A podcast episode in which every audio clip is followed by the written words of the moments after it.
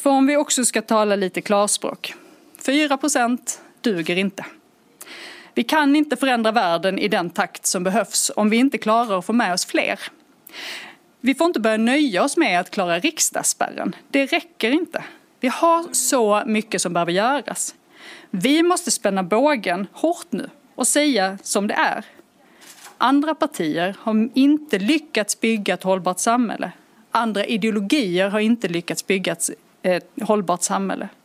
Framtiden måste vara grön, annars har vi ingen framtid alls.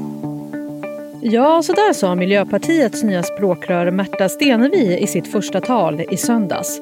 Hon efterträder nu Isabella Lövin. Märta Stenevi har varit med i Miljöpartiet sedan 2012 och har ett förflutet som kommunalråd i Malmö och regionråd i Skåne. Hon kommer närmast från tjänsten som partisekreterare i partiet. Miljöpartiet fick vid valet 2018 4,4 procent och är riksdagens minsta parti. Men i många av de senaste opinionsmätningarna så klarar man inte ens riksdagsspärren. Klimatkrisen är den femte viktigaste frågan hos väljarna.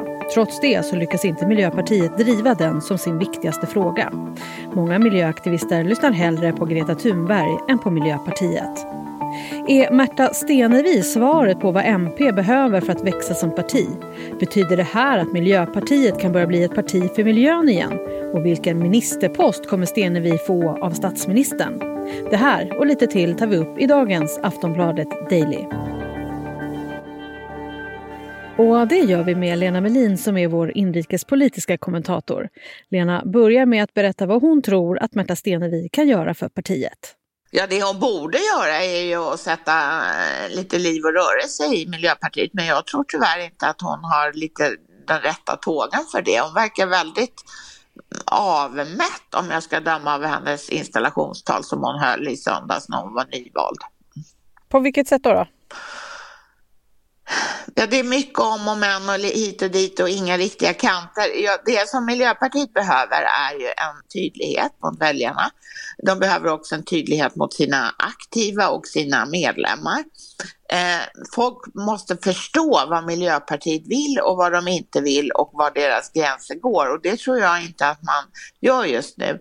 Hon pratar väldigt mycket om att eh, partiet måste bredda sig. Ja, men det har Miljöpartiet varit jättebrett ett tag.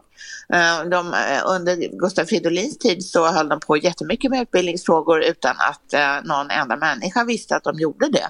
Så att det är inte det som är frågan eh, och inte ens problemet utan problemet är ju att de måste slå bättre mynt av sitt absolut starkaste vapen eh, i kampen om väljarna, vilket är klimat och miljöfrågor. Men om de därutöver vill driva andra frågor så, så tror jag mm, bara folk förutsätter det. De behöver inte prata så himla mycket om det. Hon fick eh, ju drygt hälften av rösterna. Eh, hur starkt stöd skulle du säga att hon har inom partiet? Nej, jag tyckte det var överraskande svagt stöd att hon bara fick 54 procent av, av uh, ombudens röster. Och um, jag tyckte Ja, jag blev förvånad för att hennes medtävlare var inte särskilt starka. Hon var ju oerhört förhandstippad så att hon, och hade dessutom förberett sitt installationstal väldigt noga så vitt man kunde bedöma. Så att eh, det var ju ingen överraskning att hon blev vald men jag tycker att, eh, att styrkan i så att säga, siffrorna var överraskande dålig.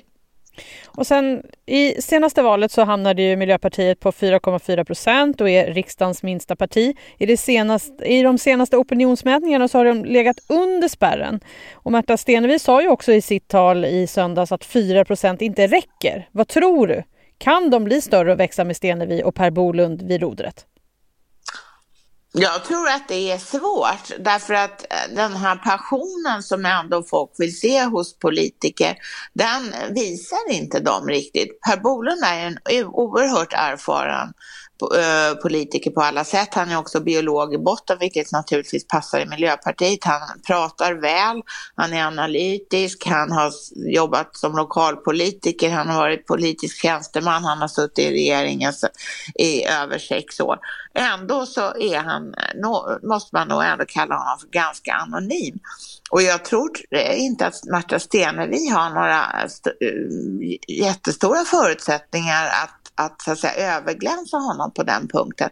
Hon ger också ett ganska svalt intryck, precis som Isabella Lövin. Och det brukar ju ge ett väldigt mm, eh, lågt personligt förtroende för för höga politiker när man inte har den här passionen. Alltså då tycker folk inte att de, att de riktigt gör sitt jobb och de får låga förtroendesiffror. Och det brukar också smitta av sig på stödet för partiet.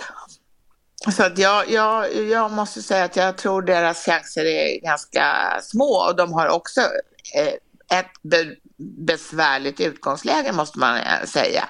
De har liksom en enda fråga som, eh, som väljarna förknippar dem med. De har ett jättelågt väljarstöd och de um, har lite kommit i skymundan Eh, under pandemin därför att deras frågor har hamnat ännu mer i bakvattnet hos, väl, eh, hos väljarna än de normalt brukar ligga. Ja, men det är ju så här, klimatfrågan är en av de fem viktigaste politiska frågorna enligt väljarna och du är inne på det här. Borde inte Miljöpartiet satsa på att bli ett miljöparti igen? Jo, det skulle de, eh, jag tycker absolut att de ska eh, lyfta fram det och då ska de göra på det, det på det sättet som Per Bolund faktiskt var inne i, på i sitt tal under kongressen i söndags och det är det här att de måste för, berätta om sin politik så folk begriper vad, vad, vad, vad de gör. Eh, Isabella Lövin har haft ett favorituttryck under lång tid att de, eh, Miljöpartiet har jobbat fram det här eh, miljöpolitiska ramverket och att det är helt fantastiskt. Och det kanske det är, det, det kan inte jag bedöma och jag tror att väljarna förhåller sig oerhört kallsinniga till eh, miljöpolitiska ramverk. Alltså man, eh, människor vill ju ha konkreta besked om vad vill ni göra, hur påverkar det mig, verkar det bra, verkar det dåligt. Alltså ungefär så. Och de har inte heller tid att lyssna så himla länge så man kan inte ha några längre utläggningar som, som, som eh, hög politisk företrädare om man vill, vill få något att fastna. Eh, men de kan inte, all, eh, kan inte heller vara ett enfrågeparti för det finns det inte riktigt utrymme för i, i svensk politik. Det, då är man någon slags aktionsgrupp. Men jag tror inte att de behöver betona så mycket att de har ett heltäckande program för att folk utgår från att det har man om man är ett politiskt parti och sitter i Sveriges riksdag. Vad tror du att vi kommer få höra ifrån Stenevi framöver då? Vad brinner hon för? Ja, det återstår att se skulle jag vilja säga. Eh, att brinna för att bredda partiet räcker inte. Man måste tala, i så fall tala om vad det är. Eh, och det var ju det enda beskedet hon egentligen gav i söndags, det var ju att, hon skulle, att partiets politik skulle breddas. Så att det, det, det duger inte som budskap utan det måste vara betydligt mer konkret och eh, engagerande. Så att jag mm, hon har, ju, hon har varit partisekreterare i, i ett och ett halvt år, eller nästan två år. Då har hon inte visat framfötterna, man har ju knappt sett röken av henne. Innan dess så var hon kommunpolitiker eh, i Malmö och sysslade med stadsbyggnadsfrågor och innan dess var hon region, regionpolitiker i Skåne och höll då eh, på med personalfrågor. Så att man liksom, han har ju inte visat någon direkt kampvilja i, på något särskilt, speciellt område. Så att jag tror jag pratade också lite om jämställdhet och ekonomisk trygghet och äldreomsorg och sånt där igår, men, eller förlåt mig i söndags, men, men eh, det har ju inte, ah, det är liksom lite, mm, var lite ärtsoppa över det hela, eller pyttipanna. Eh, Lena, vilken post tror du att hon kommer få i regeringen då? Får hon en ministerpost? Jag tror att hon får en ministerpost därför att hon vill ha en ministerpost. Eh, och jag tror att det är bra. Eh, jag tror inte att Miljöpartiet ska ha två språkrör som är väldigt ojämlika.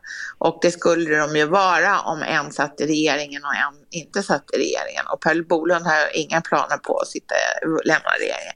Jag tror att han när eh, kommer att efterträda Isabella Lövin som klimat och miljöminister eh, med anledning av att han har suttit väldigt länge som finansmarknadsminister. Att, att, någon, att, någon, polit, att någon minister sitter kvar i nästan sju år på samma post tillhör verkligen inte vanligheterna om man inte är statsminister. Och det har han snart gjort så han behöver säkert nya stimulerande arbetsuppgifter och han är ju som jag sa förut då biolog i botten och liksom kommer från, från en gröna sidan av, av Miljöpartiet. Um, och Isabella Lövin skulle ju, eller förlåt mig, Märta Stenevi skulle ju då kunna bli biståndsminister eftersom den posten också är ledig efter, eh, då efter Peter Eriksson. Det tror jag kanske inte skulle vara så bra.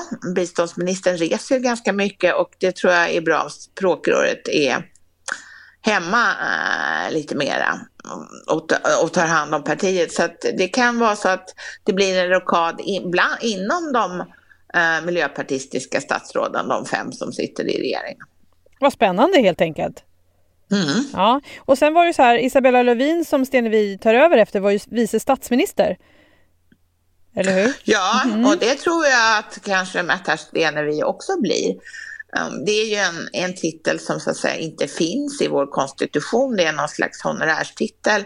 Och ehm, jag tror att ska man ha den titeln i den nuvarande regeringen så är det klart att den andra, statsministern är ju socialdemokrat, så det är klart att det andra partiet i regeringen, det vill säga Miljöpartiet, ska lägga beslag på vice statsministerposten. Och jag tror att de ogärna båda två vill, eh, båda två partierna vill att eh, två farbröder som står där bredvid varandra, utan de vill nog att det ska vara en kvinna och då har jag väldigt svårt att tro att man ska kunna gå förbi Märta Stenevi i, i, i, i en sån fråga. Kan, eh, tror du att eh, Miljöpartiet kan ta över klimatfrågan från Greta Thunberg? Ja, men då måste de, eh, då måste de visa samma passion som Greta. Eh, det, det är ju där de, det, alltså de måste smitta av sig på väljarna. De måste liksom eh, eh duscha dem med engagemang för klimatfrågor. Och det, då kan man inte se ut som det väntar sju svåra år och ingenting kan vi göra. Och vi har ändå ett klimatpolitiskt ramverk. Utan man måste vara oerhört mycket mer tydlig, engagerad och, och eh, entusiasmerande. Sist här hörde vi Lena Melin som är Aftonbladets inrikespolitiska kommentator. Jag heter Jenny Ågren och du har lyssnat på Aftonbladet Daily. Vi kommer ut med nya avsnitt av Daily måndag till fredag och vi tar upp ett aktuellt ämne varje dag och fördjupar oss i det. Det går alldeles utmärkt att följa oss i din poddspelare så missar du inga avsnitt. Vi hörs snart igen. Ha det fint så länge. Hej då!